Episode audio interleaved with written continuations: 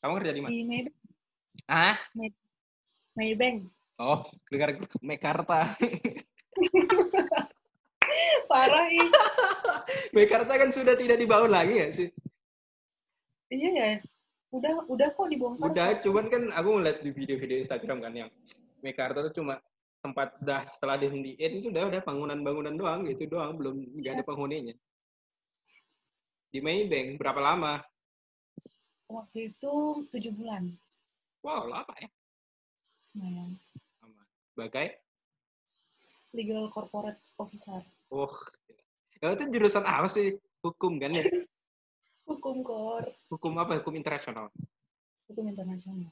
Eh, di Trisakti loh oh nyantai aja nih bisa kaku cek Ya, kok tiba-tiba jadi kaku ya? iya tadi tuh tadi nggak mau kaku segini jadi oh Ada. kamu bukan diwawancara Oh iya, kayak wawancara kerja Iya, jadinya. iya Oke. Lanjut, lanjut. iya iya Ini udah, udah, udah lama gak ketemu cuy. Terakhir Iya, iya. terakhir tahun berapa coba? Terakhir oh, 2015 berarti ya. Waktu di, 2015. di sekolah udah so, belum pernah ketemu. Waktu di sekolah. Aduh, udah lama di sekolah. Kalau udah di sekolah berarti udah ketahuan kan tuh eh sama anak cuy. Gak berapa lama. Anjir. Oke. Aduh, ya ampun, ya ampun. Aku tuh eh, udah beberapa kali ke Jakarta kan, da- apa main-main ke Jakarta. Ketemunya cuma Renal terus. Pengen tuh ketemu Rip, ya. Awan. ketemu, Awal udah pernah ngabarin kami, kors tahu kok. Awal. Ya aku udah ngabarinnya Renal doang sih. Coba nal aku ke Jakarta gitu kan. Ya ayo gitu kan. Ya cuma paling berapa hari, sehari dua hari. Udah, itu doang. Habis itu pulang. Kerjaannya cuma eh, ya apa namanya? Datangin sesuatu, udah pulang pengen banget nongkrong cuman pertama masalah tempat menginap di mana saya, Bro. Oh, uang PP mahal. Ya, Terus gitu. biasanya kalau di Jakarta naik itu ya kor kereta yang kereta Jogja Jakarta itu ya? Iya, iya. Mm. Aku pernah ngerasain pertama kali ke Jakarta naik kereta. Itu Hmm. naik yang ekonomi. Yang duduknya, Ya yang lutut ketemu lutut. cuy. Oh, bayangin tuh du- 12 jam apa dari, dari Jogja ke Jakarta. Dan kursinya tegaknya. Ah, gila. Ya, Dan pertama kali itu duduk di depan itu satu keluarga. Jadi adanya istri, suami, anak dua, dan mertuanya satu. Apa? Bayangin tuh.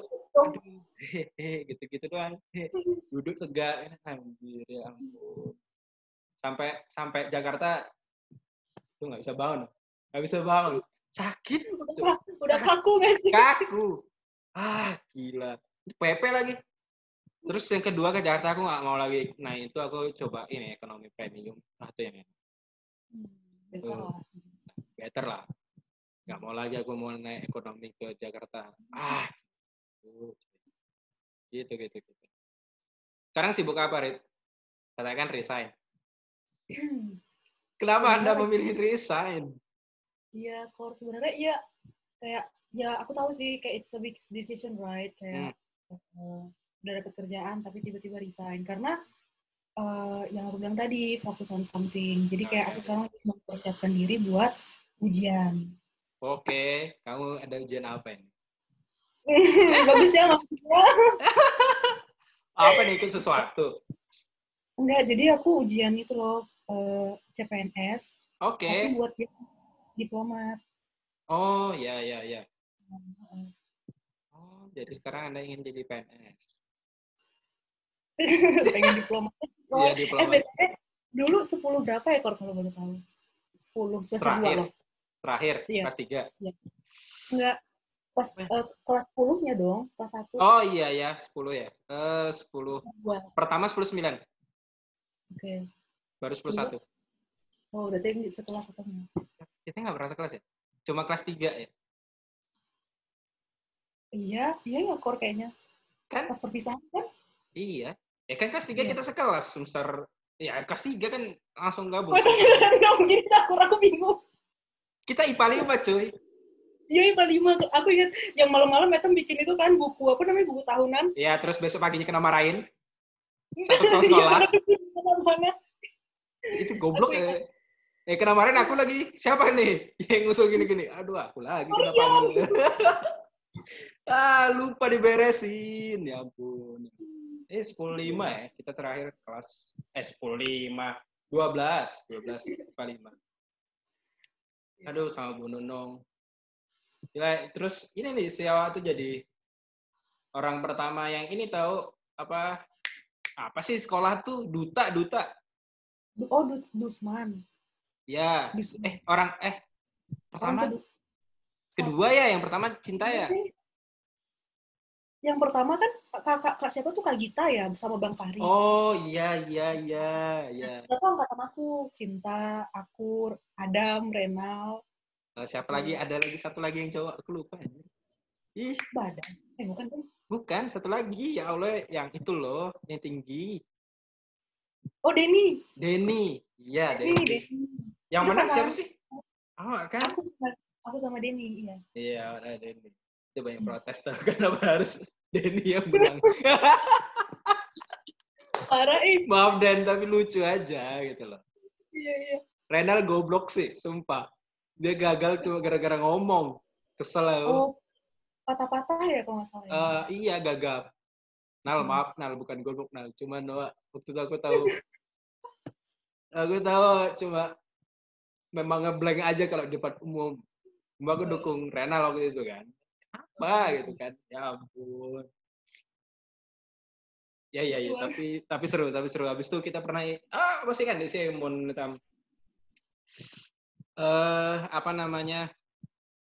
Ini loh ikut eh, debat, lomba debat di sekolah waktu kelas meeting juara satu kan? Iya, ingat. Ingat, ingat kenapa tuh? Ya apa? Ingat aja kan sama Ersa kan? Oh iya, Debat ngajak tuh. inget aja. Oh, Debat yang paling goblok ya. Aku cuma hmm, asli sumpah. Ayo kelas ini ikut lomba debat ya, udah ikut-ikut. Cuma modal ngebacot, iya, itu betul banget. menang Penting kan? juara satu. Ya udah, yang penting ikut ngomong aja, ngomong aja. Oh gitu. Ya udah ikut. Ya udah ikutlah.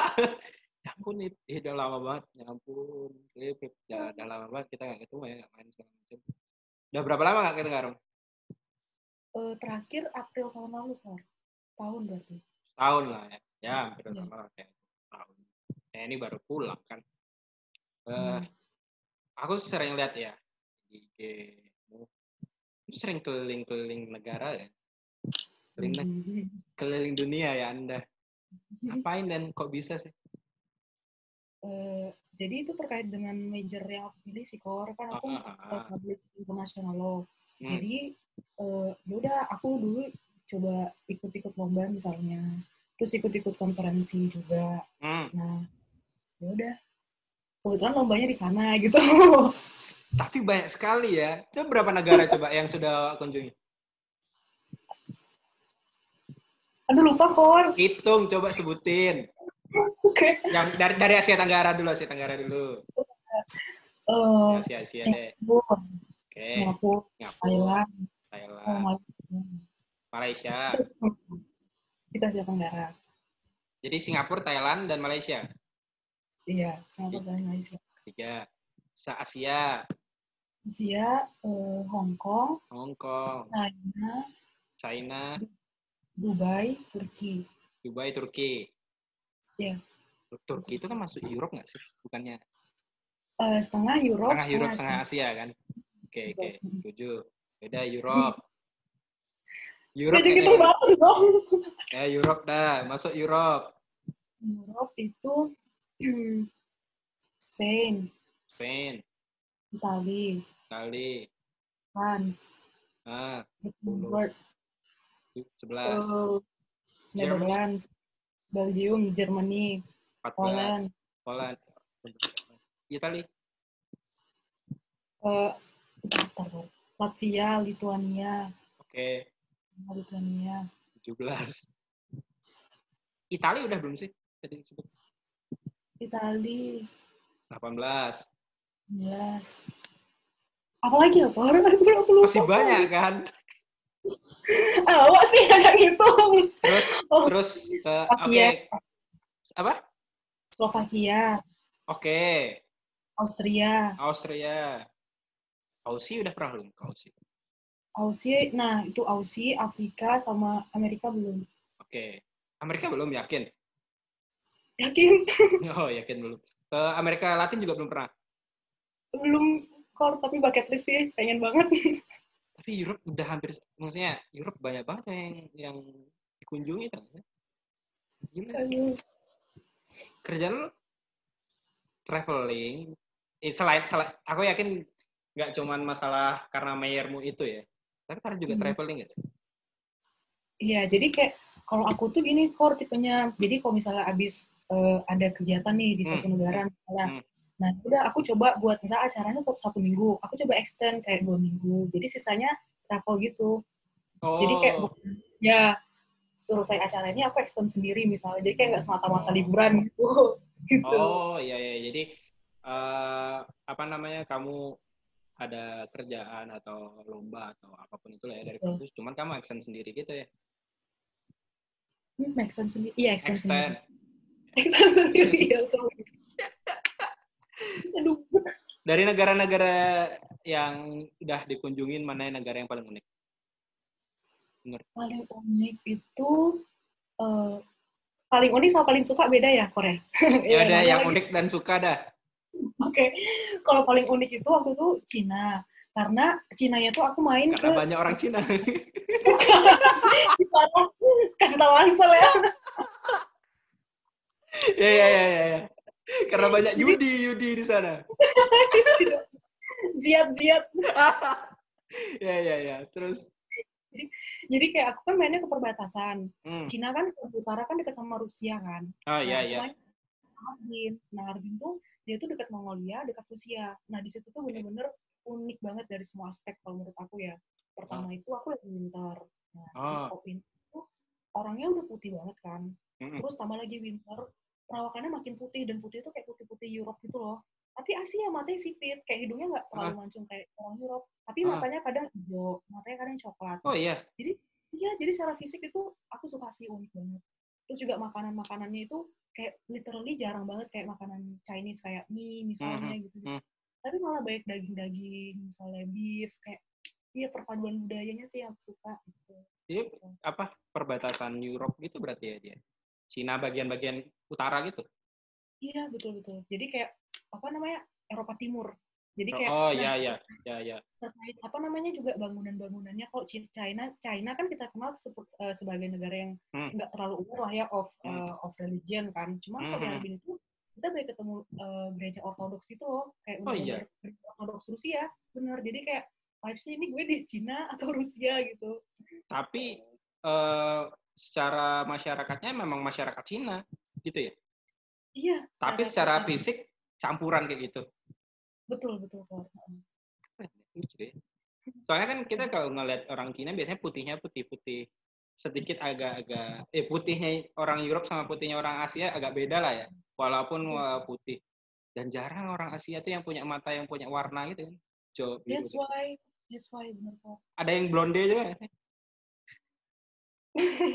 Kor nanya atau bercanda sih Ini lucu. Nanya. Cuma kan lucu aja pertanyaannya. jarang sih kor kalau itu kalau itu mungkin bener-bener blasteran kali ya orang Blasteran doang ya, berarti nggak ada yang asli situ. jarang sih kalau sampai rambutnya warna coklat sampai Hmm. warna putih jarang. atau nenek-nenek mungkin ya bisa jadi Blonde warna putih ya. Terus yang paling suka kalau yang paling suka aku Luxembourg kok kenapa? Karena kalau itu faktor historis sih aku suka banget kan aku sangat terobsesi sama Uni Eropa Hmm, hmm. nah jadi Iya. kalau misalnya kalau kita mau ke salah satu negara Uni Eropa kan kita kenal dengan ada namanya Schengen area Ya, ya ya, ya. kan? Nah, jadi sejarahnya terciptanya Schengen area itu di kota di Luxembourg itu nama salah dan ada spesifik nama desanya lagi adalah Schengen. Jadi Schengen itu sebenarnya nama desa di Luxembourg pas Oke. mereka bikin perjanjian Ah. kerjasama wilayah itu. Sih. Luxembourg tuh dekat eh, Belgia, eh dekat Jerman ya sih? Eh Belanda. Eh, iya dekat situ tapi agak ke bawah lagi. Sebenarnya Luxembourg tuh negara pecahan juga atau gimana? sih? Sejarahnya tahu nggak? sih? Kalau misalnya yang ku tahu sejauh ini aku nggak pecahan sih. Jadi kayak dari Perang Dunia II itu Hmm. memang udah berdiri sendiri dia. Oh, oke oke. oke. Hmm. Emang di situ eh apa namanya? Yang ada di negara Luxembourg itu apa sih namanya? Kalau misal ya ampun, ribet gue ngomong, Mbak. Ini penghasilannya apa sih? Oh, Negara GDP. Ya, ya, GDP. Ya, nah, salutnya sih sama Luxembourg itu salah satu negara terkecil ya di dunia, tapi GDP-nya Mm-mm. salah satu yang terbesar di dunia. Oh Iya, ya? bener kok sampai eh, mencapai 60 ribu sekian gitu per Hmm. kapitanya per tahun. 60 ribu USD loh ya. Sedangkan kita aja per tahun itu masih 3 ribuan, di bawah 5 ribu lah. Jauh Tapi- banget kan 60 ribu, 5 ribu. Tapi eh, ini nggak sih, menurut saya, percaya nggak sih kalau misalnya, ya nggak juga sih, maksudnya gini, kita kan termasuk negara berkembang, walaupun dibilang Trump kita sudah negara maju, saya tidak percaya negara kita negara maju kan. Oke. Eh, besarnya wilayah itu juga mempengaruhi pendapatan per kapitanya sebuah negara nggak sih? Coba lihat, Brunei. semakin kecil tuh pendapatannya semakin stabil, semakin banyak kayak Brunei, gitu kan Hmm. tenaga gitu. Oh, lebih setuju gitu atau tapi kan ada juga di uh, Amerika, Cina dan segala macamnya negara besar juga pendapatannya juga besar. Hmm. Lo gimana? Kalau menurut aku ya Korea eh, itu bisa mempengaruhi. Cuman ada faktor lain yang mendukung. Kalau menurut Hmm. aku kita lihat ke faktor makroekonomi misalnya. Jadi kayak eh, apa namanya kapit human capitalnya. Hmm. Jadi juga sem- apa namanya tingkat berapa banyak sih manusianya di negara itu. Oh, Karena iya, kalau menurut aku ya semakin sedikit warga negaranya semakin enak diatur. iya kayak Singapura. nggak? Eh Singapura benar-benar Iya. kayak Brunei juga yang lo Iya, bilang iya. tadi. Nah, jadi semakin besar juga eh, kesempatan warganya buat memperoleh kerja. Ah, Ya, iya benar sih. Cuman yang aku salut saat ini adalah Cina. Tahu kan trennya Cina sekarang? Oh, tahu tahu tahu. Dia ngalahin Amerika gini-gini gini. Memang menurut aku ya di pemerintahannya Xi Jinping itu yang sekarang itu dia memang ekonominya bener-bener uh, jos gitu loh. Kuat banget ya. Iya. Nah, kalau itu pengecualian menurut aku itu warganya banyak, wilayahnya banyak, dan didukung oleh pemerintahnya juga bagus. Tapi pemerintahannya Cina itu komunis kan? Ya, Iya komunis, komunis. mm. di mana kalau misalnya komunis tuh yang aku tahu. Eh, semua sistem yang komunis ya berat eh, apa namanya semua masyarakatnya harus ngikut apa yang dikatakan pemerintah. Kalau misalnya nggak ikut ada punishmentnya gitu nggak sih? Ya itu kayaknya menurutku yang buat Cina itu kuat karena semuanya nurut sama pemerintah apa pun itu. Beda kayak sama Indonesia yang bentuknya lebih ah, demokrasi kan Ya. Gila, Sebenarnya- Aduh, sorry. Sebenarnya Korea, kalau menurutku sih ada, menurut aku ada pro kontranya di sih setiap sistem pemerintahan itu. Ada. Ta- Iya kan? Kalau kalau menurutku gini, s- eh, sistem pemerintahan itu eh, akan tergantung dengan kebudayaan di suatu tempat. Faktor geografis, faktor budaya, faktor kebiasaan di su- suatu wilayah. Karena misalnya eh, apa Indonesia disuruh komunis mana mau gitu. Walaupun misalnya kita anggap aja orang Indonesia ini tidak bermasalah dengan namanya komunis. Cuman kebiasaannya orang Indonesia itu saling tolong menolong, saling memberi perhatian, apa namanya sangat ini banget, friendly banget. Dikasih komunis susah kayak. Nah jadi menurutku Yes. sistem itu uh, semuanya benar ketika di tempat yang tepat. Ya sih. Kalau menurut kalian? Aku setuju sih, Kor. Begitupun sebaliknya kalau misalnya kita taruh demokrasi di China, pasti orang China pada warga di sana Iya. bakal bilang, what the hell is that? Gitu kan. Mereka kayak, udah nggak bisa terima. Iya iya iya. Kan kalau komunisnya lebih kayak ya, urusan lu, urusan lu, urusan gue, urusan gue. Kayak gitu ya, gitulah. Tapi eh, apa ya? Dengan sistem demokrasi yang kita punya ya di Indonesia, sebenarnya menurutmu kita bisa bersaing nggak sih dengan negara-negara besar? Ya, bersaing contoh di ekonomi lah. Katanya Indonesia beberapa tahun 2030 Indonesia akan menjadi salah satu negara dengan ekonomi terbaik di di apa namanya di dunia. Tapi dengan dengan sistem kita yang demokrasi, menurutku bukan maju masih berkembang banget ya Allah. Contoh kenapa aku bilang berkembang banget karena dengar berita hoax aja tanggapannya gila-gilaan.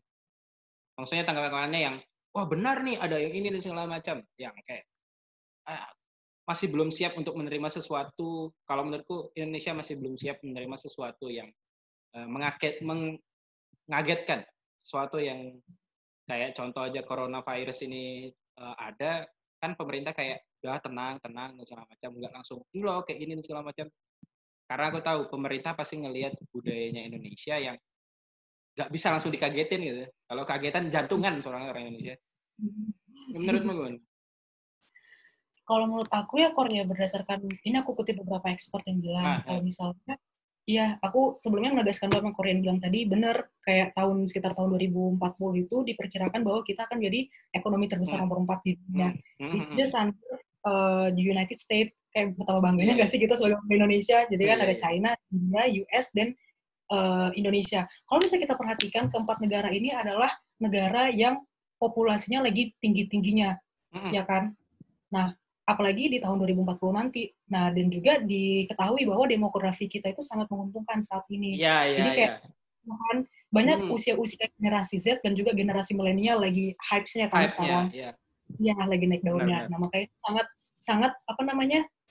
pemerintah Jokowi saat ini kan sangat menggencarkan itu kan dan aku aku dengar dari seorang expert bilang bahwa uh, sebenarnya itu bisa tercapai uh, kita nomor 4 di tahun 2040 nanti Cuman itu tergantung lagi oleh siapa pemimpinnya. Aku bukannya pro pemerintah siapa-siapa, cuman mengutip kata ekspor ini, aku lupa hmm. lagi nama expertnya. Cuman dia itu ahli ekonomi, dia bilang seandainya saja uh, pemerintah kita nanti pemimpinnya seperti Bapak Jokowi yang mungkin mengutamakan faktor ekonomi dan juga human capital, hmm. mungkin bisa kita di nomor empat itu. Cuman tapi kalau misal pemerintahnya nggak apa namanya nggak sesuai ekspektasi kita saat ini, kemungkinan juga nggak bisa tercapai core. Jadi kuncinya ada di the government itu sendiri.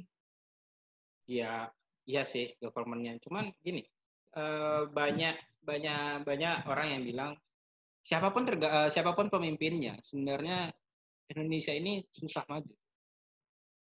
Kenapa gitu? Uh, susah majunya bukan karena pemimpin yang nggak baik dan segala macam. Kalau menurutku sih Pak Jokowi udah bagus.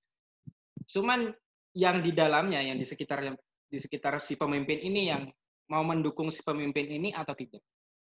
Mau hmm. mau bekerja sama atau tidak? Maksudnya bekerja sama ya pasti mau bekerja sama. Cuman ada aja permainan politik kalau menurut gue.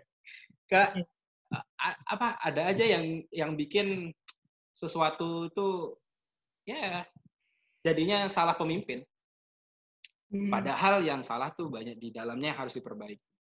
Uh, apa hmm. ya sehebat apa pun pemimpin, sekeren apa pun pemimpin, kalau misalnya si bawahannya ini tidak mem, tidak mendukung, tidak mengerti dan tidak apa ya masih di bawah dengan uh, pikiran apa ya ya apa ya ya yang kulakukan ya untukku bukan untuk yang ada apa yang diminta oleh pemimpin nggak bakalan bisa ya benar juga uh, apa namanya katamu kalau misalnya Pak Jokowi, misalnya ada pemimpin yang masih sama kayak Pak Jokowi, ke depan tuh human capital segala macam, Indonesia mungkin bisa.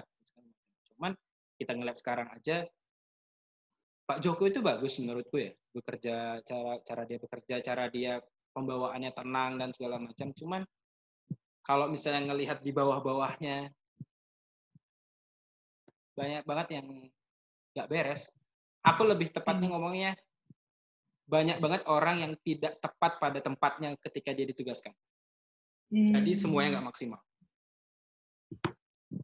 Ya, Berarti gitu. mungkin uh, dari pihak birokrasinya lagi kali Korea yang harus ya. difilter lagi ya. supaya efektif dan efisien. ya, ya, ya. Menurutku kayak gitu sih. Uh, hmm. Ya, ya misal contoh, sebenarnya kalau misalnya eh, kita kalau misalnya bernegara ya, contoh kecil itu belajar dari berorganisasi sih kalau menurut kalau iya. misalnya berorganisasi, misal aku jadi se seorang pemimpin di sebuah organisasi, aku punya banyak plan, aku punya banyak apa namanya yearly plan lah istilahnya ya. Dalam satu tahun ini aku pengennya kayak gini pengennya kayak gini pengennya kayak gini. Cuman ketika uh, berarti kan si pemimpin berusaha untuk menyatukan uh, frame-nya si anak-anaknya ayo ikut ini segala macam. Cuman kalau misalnya anak-anaknya tidak mengikuti VM-nya si pemimpin ya sama aja nggak bisa juga akan hmm. berkembang suatu organisasinya. Ya pasti hmm. ada yang berpikiran seperti ini. Ya seharusnya pemimpinnya yang punya karisma dan segala macam. Iya menurutku sih pemimpin banyak tipenya ya. Ada yang macam-macam ada yang ya karismatik ada yang apa namanya yang suka deketin anaknya ada yang memang benar-benar pemimpin. Ah banyak banget. Cuman kan yang perlu diketahui di situ kerjasama antara si pemimpin dan bawahan. Jelas pemimpin itu pasti akan mencoba untuk membawa uh, organisasi ini menjadi lebih baik ya atas bekerja sama dengan si anak buahnya ya. Berarti inisiatif dari anak, anak buahnya juga. Gitu. Kalau aku sih berpikirnya secara sederhana karena belajar pernah berorganisasi sih. Wih, memang panutan memang Korean nih ya. Kalau dari SMA memang uh. Pernah jadi ketua Pernah jadi ketua MPK atau OSIS ya? Kalau aku lupa. OSIS, OSIS. OSIS MPK-nya siapa? Ersa ya? Uh, Tanti. Badai. Anti. Anda lupa Tanti. Tanti. Aku dengar aku dengar aku dengarnya anti. Aku sorry aku dengar anti. Aku punya teman anti. Oh, Tanti. Oh. Okay, aku okay. jadi ketua OSIS tuh nge modalnya satu sih. Apa tuh? Ngebacot ya tapi memang ya Korea kalau memang mau jadi pemimpin tuh harus uh, jago komunikasi nggak sih? Harus ilmu komunikasinya jalan. Iya. Uh, kalau menurutku salah satu faktor. Salah satu faktor ya. Salah satu faktornya pintar komunikasi tapi ke uh, iya iya iya pak. Salah satu faktornya komunikasi kenapa? Hmm. karena aku pernah kejadian di pengalaman pribadi. Dipimpin oleh pemimpin yang komunikasinya menurutku uh, kurang baik aja. Jadi jatuhnya komunikasinya yang jalankan malah bawahannya gitu.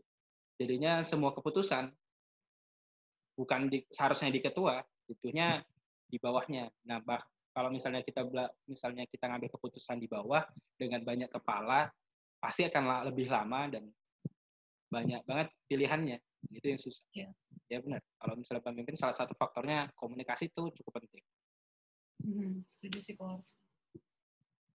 Ini malah Anda yang bertanya ya. Kok jadi aku hostnya ya? Yo, gimana mau? Menurut menurut saya kan aku udah banyak keliling negara ya. Keliling negara tadi udah ke Europe udah pernah, ke Asia, Asia Tenggara Asia udah pernah, cuman yang belum ke Amerika. Amerika belum pernah ya? Ke Amerika belum pernah. Ke Amerika, Amerika, Amerika Latin sama Europe lah. Eh, Europe. Aussie, Aussie. Hmm. Dan Afrika kok belum? Oh, Afrika belum. Dari ke sudah berkeliling itu pasti kan banyak pengalamannya tuh. Pengalaman okay. mana yang paling mengesankan menurut uh, ketika datang di sebuah negara? Dan hmm. dan dan pada saat pengalaman itu tiba-tiba mengcompare dengan Indonesia. Ya, uh, kalau misalnya kan uh, kayaknya ini bukan hal yang hal yang baru lagi deh buat kita dengar. Seperti kita ketahui bahwa sering kan kita bilang orang Indonesia ramah banget ya, friendly banget. Orang disapa, hai gitu kan, hmm. mau ke mana, where are you going, misalnya kayak gitu kan. Iya betul betul. Cuman ya itulah kelebihan orang Indonesia ramah seramah itu loh. Nah hmm. cuman uh, waktu itu adalah saatnya aku tuh bener-bener kayak sesat sesat jadi kayak sesat kayak mana? bener-bener iya jadi kayak HP aku tuh nggak ada internetnya belum beli ah. kartu di sana kan ah. ya udah jadi main naik-naik tram aja dong ya udah pas aku masuk coba-coba lah nanya sama orang-orang di sana dan responnya cuma apa? apa? Nggak, nggak ngomong. Sepelit itu korban ngomong. Jadi kayak, jadi ya udah aku nyimpulin bahwa aku bersyukur tinggal di Indonesia bahwa mereka buat ngomong aja tuh nggak mahal. Di situ buat yeah, ngomong yeah, aja jangan ngomong. Buat nunjukin arah aja lewat sini lewat situ tuh nggak mau kor. Semales itu. Kayak kenapa sih? Ya udah itu situ sih. Itu iya itu Western. Pas aku lagi di Jerman. Di Jerman. Jadi, apa cuma di tempat itu atau uh, semuanya di sini? Atau maksudnya maksudnya gini oh. di Jerman di, Jer di apa cuma di waktu saat itu aja atau di tempat lain juga kayak gitu. Nah, iya kor kalau dari sejauh yang pengalaman aku ya, aku ngerasain bahwa di tempat kayak di negara-negara maju rata-rata kayak gitu. Kayak mereka hmm. lebih liberal lebih liberal, liberal ya. gitu loh. Ya ya udah bodo amat urusan-urusan lu, gue gue. Cuman kalau misalnya di kayak tempat agak-agak masih middle class lah, kayak misalnya Poland waktu itu, hmm. kan masih baik juga kan rakyat-rakyat yang kayak kita lah, biasa aja gitu kan. Hmm. Nah, jadi hmm. itu lebih jadi mereka lebih open sih ramah juga bahkan kayak aku mau ke mana aja di disapa kayak misalnya good morning nah mereka bilang kayak jin dobre uh, misalnya jin dobre Miss Ripka gitu. Oh ya mau ke mana? Bahkan mereka yang aktif naik kita. Oh, bahkan iya? aku yang iya makan aku yang malah takut. Ini orang ada niat buruk gak sih?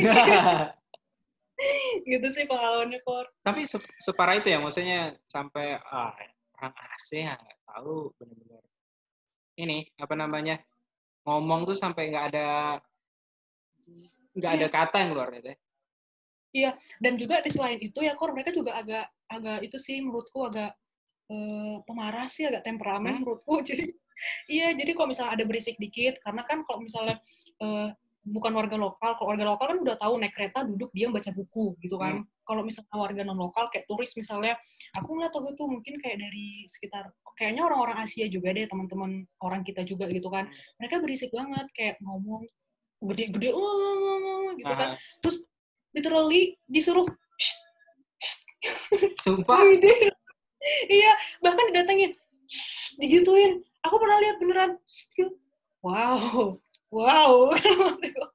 Itu kalau misalnya dia main ke ke tempat kita tuh main busway, pusing-pusing malah ya. Mati di, di tempat kali kok. Gah, pusing dia dengar suara-suara. Iya. Tapi apa semua tempat Europe kayak eh, yang maju kayak gitu? Negara maju kan Jerman negara maju lah ya. Tadi kamu bilang. Kalau Poland katanya kan masih middle-middle. Iya, kalau beberapa negara maju ya kor kayak misalnya ya tetangga-tetangganya lah misalnya kayak Jerman, terus apalagi Belanda tuh sama 11 12. Oh iya. Prancis, ya Prancis, Austria tuh juga. Cuman yang agak ramah negara majunya itu adalah Italia. Mereka bener-bener kayak, eh, lihat kan kalau ngomong kayak Hmm. sampai ekspresif banget gitu. Nah itu juga tercermin dalam kehidupan sehari-hari. Oh, gitu. Iya.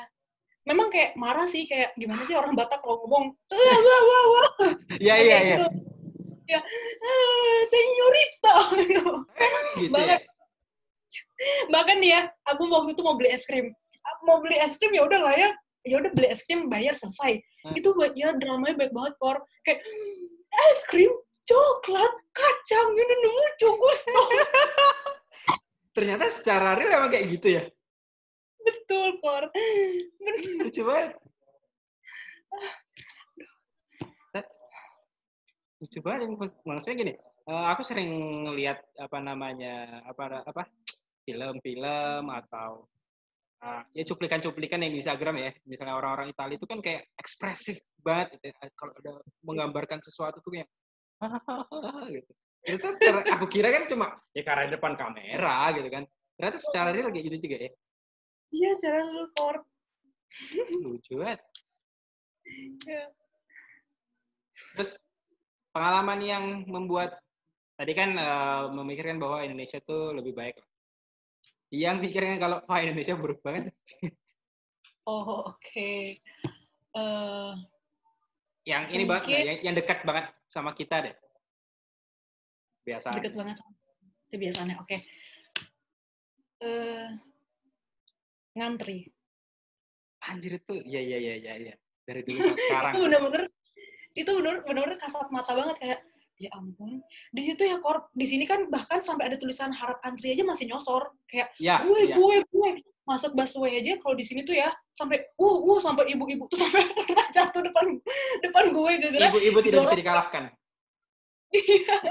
Nah itu itu nggak terjadi di sana kor kayak literally nggak ada tulisan antri aja mereka udah antri kayak uh satu satu satu bahkan Secara sadar aja ya?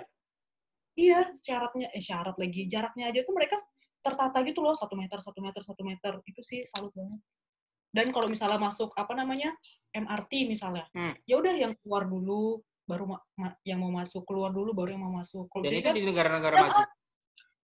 kenapa kon Itu di negara-negara maju.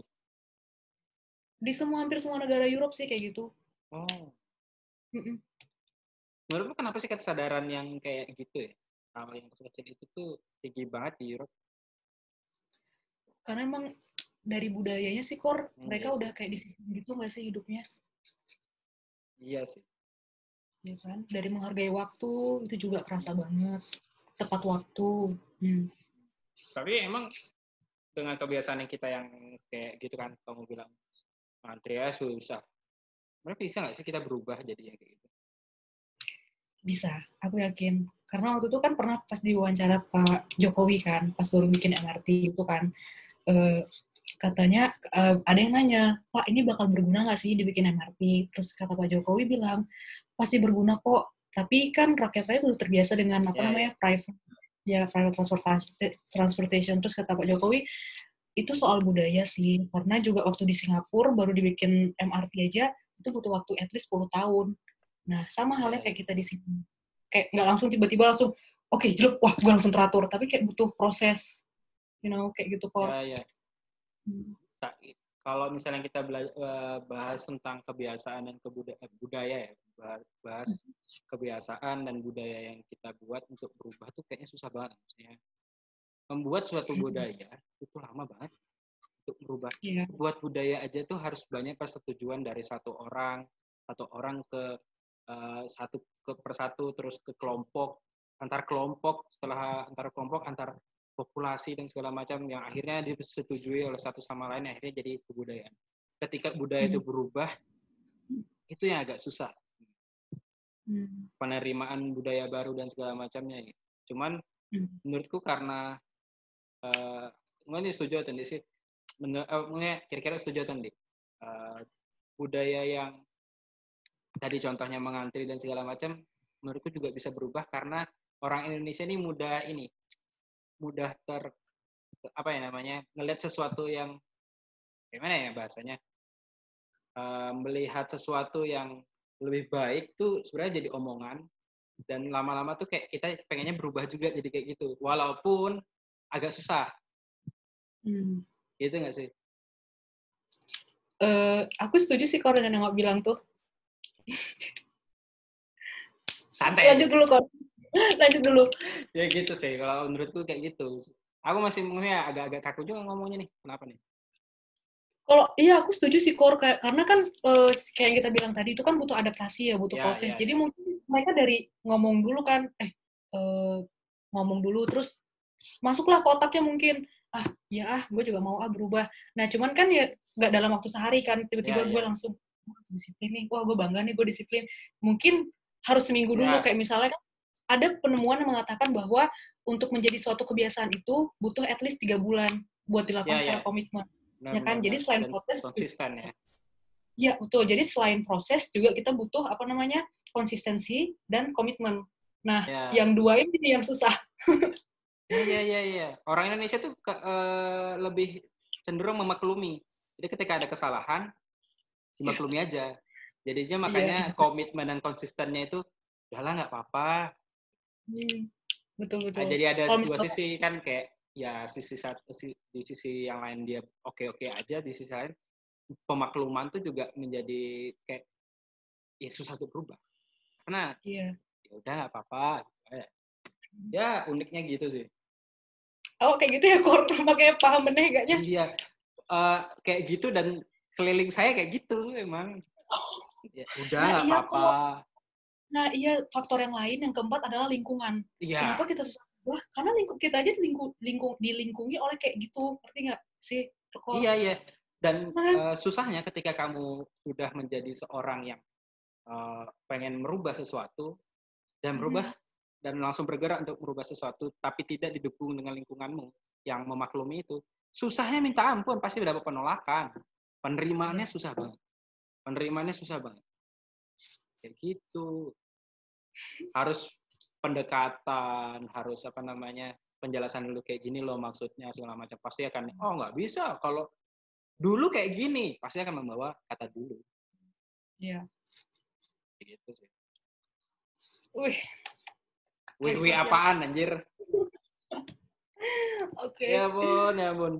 Uh, waktu di winter makan salju ya sih? Oh iya, aku jadiin es, eh, es sih, kor, kebetulan. Sumpah? ya enggak lah, kor, ya kali. Cuman waktu itu pertama aku datang kan dari Beijing ke Harbin tuh pakai kereta kan. Hmm. Nah di Beijing dia nggak sedingin yang di Harbin. Jadi pas sampai Harbin tuh literally turun salju kan. Itu aku kayak gini, makanin saljunya. Rasanya kayak sal kayak apa? Salju rasanya kayak apa Kayak air. Ya air, ya air. tergantung air. kayak air biasa sih, Kor. Air biasa doang. Imonya Rafa rasa strawberry. Ya enggak, kalau bisa itu jadi jualan es batu kayak di sini. 500 satu kilo. Oh, bagus, bagus, bagus. Bisnisnya jalan nih, Korea. Iya dong. Iya nggak sih? Kenapa kalau iya kenapa nggak sih? Mikir nggak sih kenapa orang di luar negeri itu nggak nyimpan uh, ketika winter ambil es batunya disimpan ditimbun nanti pas uh, habis winter apa? Spring atau masa spring sih? Habis winter apa? Spring core betul spring kan ya? Spring ya? Ketika habis spring langsung ini kan biasanya cuacanya ya kayak kayak kayak, kayak di Indonesia. Panas nggak dingin juga kan. Disimpan uh, apa namanya salju di winter diendapkan jadi es batu dijual di spring. Kalau ya, kalau boleh jujur ya Korea. Kalau boleh jujur ya dulu aku juga mikir gitu tau kok kecil ya. iya. Cuman ternyata pas, pas udah aku cari-cari kenapa orang luar tuh gak kayak gitu kan? Persis nah. ternyata aku tulis kenapa orang luar kayak gini gini gini. Ternyata? Ketemulah penjelasannya. Karena dia tuh ada apa zat yang berbahaya. Karena kan oh. dia tuh turun dari ozon gitu-gitu oh, gitu-gitu iya. jadi ada beberapa kontaminasi sehingga tuh berbahaya kayak misalnya air hujan nggak boleh langsung kita minum ya ya ya nah gitu kotor lah intinya Coba bayangin aja kalau misalnya salju ada di Indonesia. Saya yakin banyak orang-orang mengambil es apa salju itu menjadi es batu. Diendapkan, Terus kok dijual bersama taksi Sri. yang ditulis di warung-warung itu loh. Jual es batu. Aku jadi kangen rumah. Jual es batu. Sekarang jadi es batu dari salju. Ya gila keren ya sih. Indonesia tuh pintar mendapatkan apa melihat peluang. Iya sih. Kreatif sih kok. Indonesia tuh keren. Gak ada yang kayak maksudnya uh, di dunia ini orang yang paling pintar uh, apa, melihat peluang itu sebenarnya Indonesia. Cuman nggak ada tempatnya aja. Bukan Cina, Indonesia peluang. Coba datang ke kampung-kampung deh. Ada aja jualan yang unik-unik banget. Iya tahu masuk kadang masuk gang-gang tuh ada aja kayak jual gulale yang dari apa tuh? Ya dari yang digulung-gulung itu loh. Iya iya iya. love itu. Ya. kerupuk mihun. Ingat gak sih Kor? iya iya benar perlu apa maksudnya orang-orang Indonesia ini karena dia sadar kalau misalnya apa namanya kehidupannya itu nggak bisa tergantung dalam uh, cuma satu pekerjaan dia coba buat untuk peluang yang, yang lainnya yang kecil aja dan itu unik-unik orang Indonesia itu pintar banget. Cuman masalahnya uh, ini sih kurang apa ada fasilitas aja. Ya, kalau misalnya difasilitasi, iya difasilitasi hal yang unik kecil kayak itu yang dianggap remeh, kalau misalnya difasilitasi dan disorot bisa jadi hal yang besar. Iya Pasti. Ya. Yang mana sih Indonesia ini? kok jadi kok jadi aktivis kor? aduh janganlah jangan jadi aktivis pusing. Uh, boleh lagi deh. Uh, apa namanya tadi balik lagi kamu keliling negara dan segala macam kulturnya tuh kayak mana sih orang Europe sama orang Asia? Bedanya yang sangat-sangat signifikan.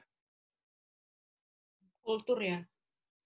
Mungkin ini sih yang sangat signifikan itu karena mereka balik lagi mereka udah sangat liberal gitulah hmm. uh, core cara hidupnya tuh sekuler banget gitu nggak kayak kita kita kan masih sama bilang uh, alhamdulillah uh, puji Tuhan berpuji syukur misalnya juga kan pada masih ingat lah buat ngomong gitu jadi kayak masih hal yang paling mendasar ya. ya hal bener banget hal yang paling mendasar itu adalah kita buat melakukan segala sesuatu itu masih dimulai dengan doa ya misalnya kita mau oh. makan berdoa kayak misalnya kita juga uh, waktunya buat ibadah kita ibadah kalau itu literally, literally ya udah uh, kadang kalau aku ngomong tentang Tuhan mereka bilang oh so do you still believe in God? Langsung begitu oh, ya? Oh ya? iya kor oke okay. uh, eh, yes why not gitu kan ah oke okay. terus ya udah dia oh oke okay. kayaknya tapi mereka pun uh, untungnya mengerti gitu loh kor kayak nggak apa namanya nggak ofensif juga kenapa gini kenapa kamu gini kenapa gini untungnya mereka oh, oke okay. gitu tapi menerima mereka tuh beragama maksudnya punya agama nggak sih sebenarnya ketika dia bertanya kayak gitu tuh apa dia ateis atau agnostik kalau dari responnya sih sepertinya mereka ateis atau agnostik uh, oh. core. Hmm. Gitu ya? Iya. Yeah. Hmm. Se -se -se Segitu banget ya? Bahkan ya di, lucu nih, di Belanda itu gereja aja dijual. Hah? Tanah gereja dijual buat bisnis. Sumpah? Iya. itu sih lucu banget kalau Dan itu warganya biasa aja? biasa aja karena mereka ya udah nggak peduli gitu loh kayak ya udah pakai aja gitu gila iya kalau di sini kan kita kayak masih menghargai banget kan. Eh itu Iyalah, wilayah gila lu. eh, ini gitu kan. Itu kan tempat ibadah orang. Iya. Iya. Tapi apa sejauh ini Indonesia eh, tadi kan eh, sempat jadi bilang kan Indonesia ini lagi masa-masanya demografinya tuh anak mudanya lagi Hmm. banyak nih. Kalau diibaratkan piramida tuh anak mudanya paling banyak. Yang eh, generasi-generasi boomer yang lama-lama udah mulai ke- mengecil lah. Banyak anak-anak baru, anak-anak muda yang fresh, yang mudah banget menerima ini informasi, teknologi, apa pun itulah. Termasuk masalah budaya dari luar. Kalau orang dulu kan sering bilang eh, jangan terlalu banyak terpengaruh sama budaya luar gitu kan. Tapi sekarang tuh banyak banget budaya-budaya luar yang masuk ke dalam Indo. Nah, menurutmu gimana? Oke, kalau misalnya menurutku itu eh, itu bagian dari globalisasi sih, Ya. core yang nggak bisa kita eh, hindari. Karena kan globalisasi itu si- sifatnya borderless kan. Nah, begitupun sifatnya dengan budaya luar. Jadi kayak semakin gampangnya informasi itu masuk, semakin tingginya teknologi, semakin gampang juga budaya-budaya itu masuk ke Indonesia. Hmm. Kalau dulu kan budaya asing masuk karena eh, bener-bener turisnya datang ke Indonesia, berinteraksi, makanya mereka bisa tahu budayanya. Kalau ini kan mereka bisa lihat dari gadget pun bisa, dari smartphone pun bisa. Aku beda ya gadget smartphone. Hmm. Oke, itulah intinya. Nah. Nah, jadi tadi pertanyaan apa ya, Kor? Pertanyaannya Pertanyaan menurut aku gimana nih? Eh, apa namanya? Masuknya budaya asing ke ke kita, ke Indo pada melihat dari zaman yang sekarang dengan banyaknya anak-anak muda yang mudah ter apa namanya?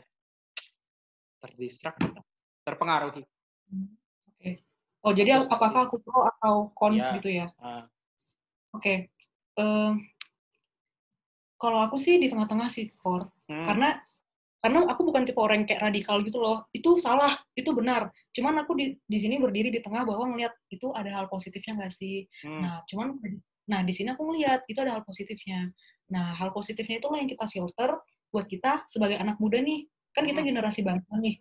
Jangan jadi generasi kalau menurut aku ya jangan jadi generasi yang kayak monoton dulu gitu loh kayak ya udah nutup buat semua semuanya sehingga nanti kita pasti mikir kapan majunya kalau kita terus tutup pikiran kita kayak uh, I want to invite this generation to be Iya, iya, open minded iya. broad minded something like that nah cuman kok di sisi negatifnya ya jangan terlalu bebas juga karena ingat ideologi kita bukan ideologi liberal kita adalah menganut Pancasila iya Halus sayangnya banget ya. nasionalis banget.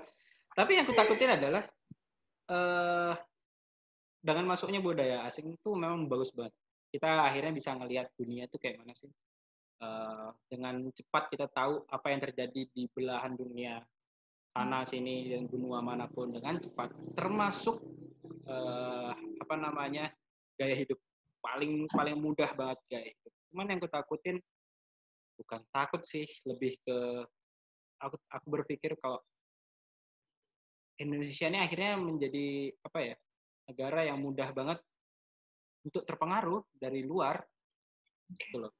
Jadi apalagi anak muda anak mudanya bertambah mudah terpengaruhi. Kalau misalnya anak mudanya ini tidak berpikir positif yang tadi tidak bisa memfilter, yang aku takutkan adalah kebebasan berpikir Hmm. secara apa ya ya yang dia pahami aja tapi nggak ngelihat dasarnya di mana dari dari negara tersebut misalnya dari sebuah negara Ero- E- Eropa gitu kan.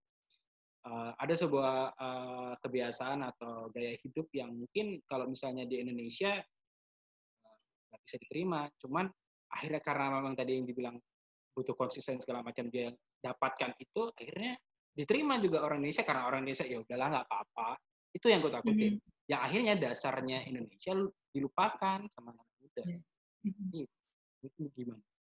Eh, lo- takut ke itu nggak sih eh, core maksudnya a new normal Iya. jadi adalah salah satunya mereka melakukannya jadi dulu yang menurut orang tua kita adalah tabu bagi generasi kita nanti itu bukan hal yang tabu karena it's a new normal karena kita tinggal Ya, di ya, ya. tempat yang berbeda you have to understand ngerti kayak Ya. gitu loh kor takutnya seperti itu makanya waktu itu juga pernah ada komen sih eh, aku baca berita kan komennya itu adalah eh, that's why kenapa kurikulum Pancasila itu harus diperkuat di pendidikan-pendidikan uh, dasar misalnya hmm. atau pendidikan oh di setiap level pendidikan bahkan kuliah pun etis harus ada pendidikan Pancasila karena kalau nggak dari situ dari mana lagi dapatnya selain dari pendidikan formal itu sih hmm.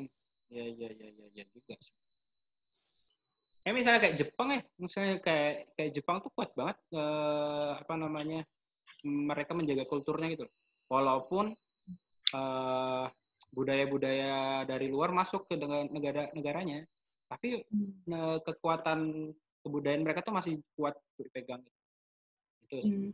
tapi Indonesia menurutku ya masih bisa lah kayak gitu. Selama pemuda-pemuda setiap daerahnya sih yang bisa menjaga kebudayaannya itu. Ngomongin kayak ngomongin diri Korean lagi nih kayaknya. Apaan lagi? Eh oke okay, oke. Okay. Duh, apa lagi nih? Terakhir uh, dari se dari keliling dunia aku bisa keliling dunia karena udah banyak di negara-negara udah banyak datangi uh, yang okay. harapkan dari pengalaman berkeliling-keliling itu untuk bisa jauh-jauh deh misalnya untuk daerah kau sendiri itu apa setelah membandingkan dari negara-negara itu hmm. apa yang pengen kan di daerah contohnya Tegarong aku aku berharap sih pertama dari orangnya dulu. Uh, orangnya mungkin bisa lebih adaptif terhadap globalisasi yang akan kita hadapi di kemudian hari. Hmm. Nah, dengan mereka bisa adaptif dengan globalisasi itu, otomatis nanti pintu ekonomi itu akan terbuka. Itu core. Nah, jadi yang aku harapkan adalah intinya agar ekonomi kita di daerah kita terutama bisa kemungkinan kemungkinan uh, sama, bisa sama atau at least mengejar lah ekonomi mereka yang ada di di wilayah situ. Itu sih buat jangka panjangnya ya. Iya, iya, iya. Mm-hmm. Harapannya kayak gitu ya. Oh, Kenapa kok? Ya harapannya kayak gitu. Iya, karena kan yang kayak bilang tadi banyak sebenarnya apa micro small and medium enterprises ya. di Tenggarong itu uh, yang kurang tersalurkan misalnya. Hmm. Nah, dengan terbukanya pintu ekonomi itu otomatis nanti mereka bisa menyalurkan itu tuh uh, usaha-usaha mereka agar lebih uh, terlihat lagi gitu kan. Ya, Sehingga ya. bisa Gila sih keren. Ah, adalah uh, itu aja Rip. Wah, seru banget kok. Aku pasti banyak pengen apa namanya pengen banyak cerita aja. Soalnya kayaknya otak tuh banyak sesuatu yang pengen ku gali aja. Wah, aku suka ya. Kalau misalnya, oh tuh kayak udah dibilang sih karena mungkin dari SMA kali ya.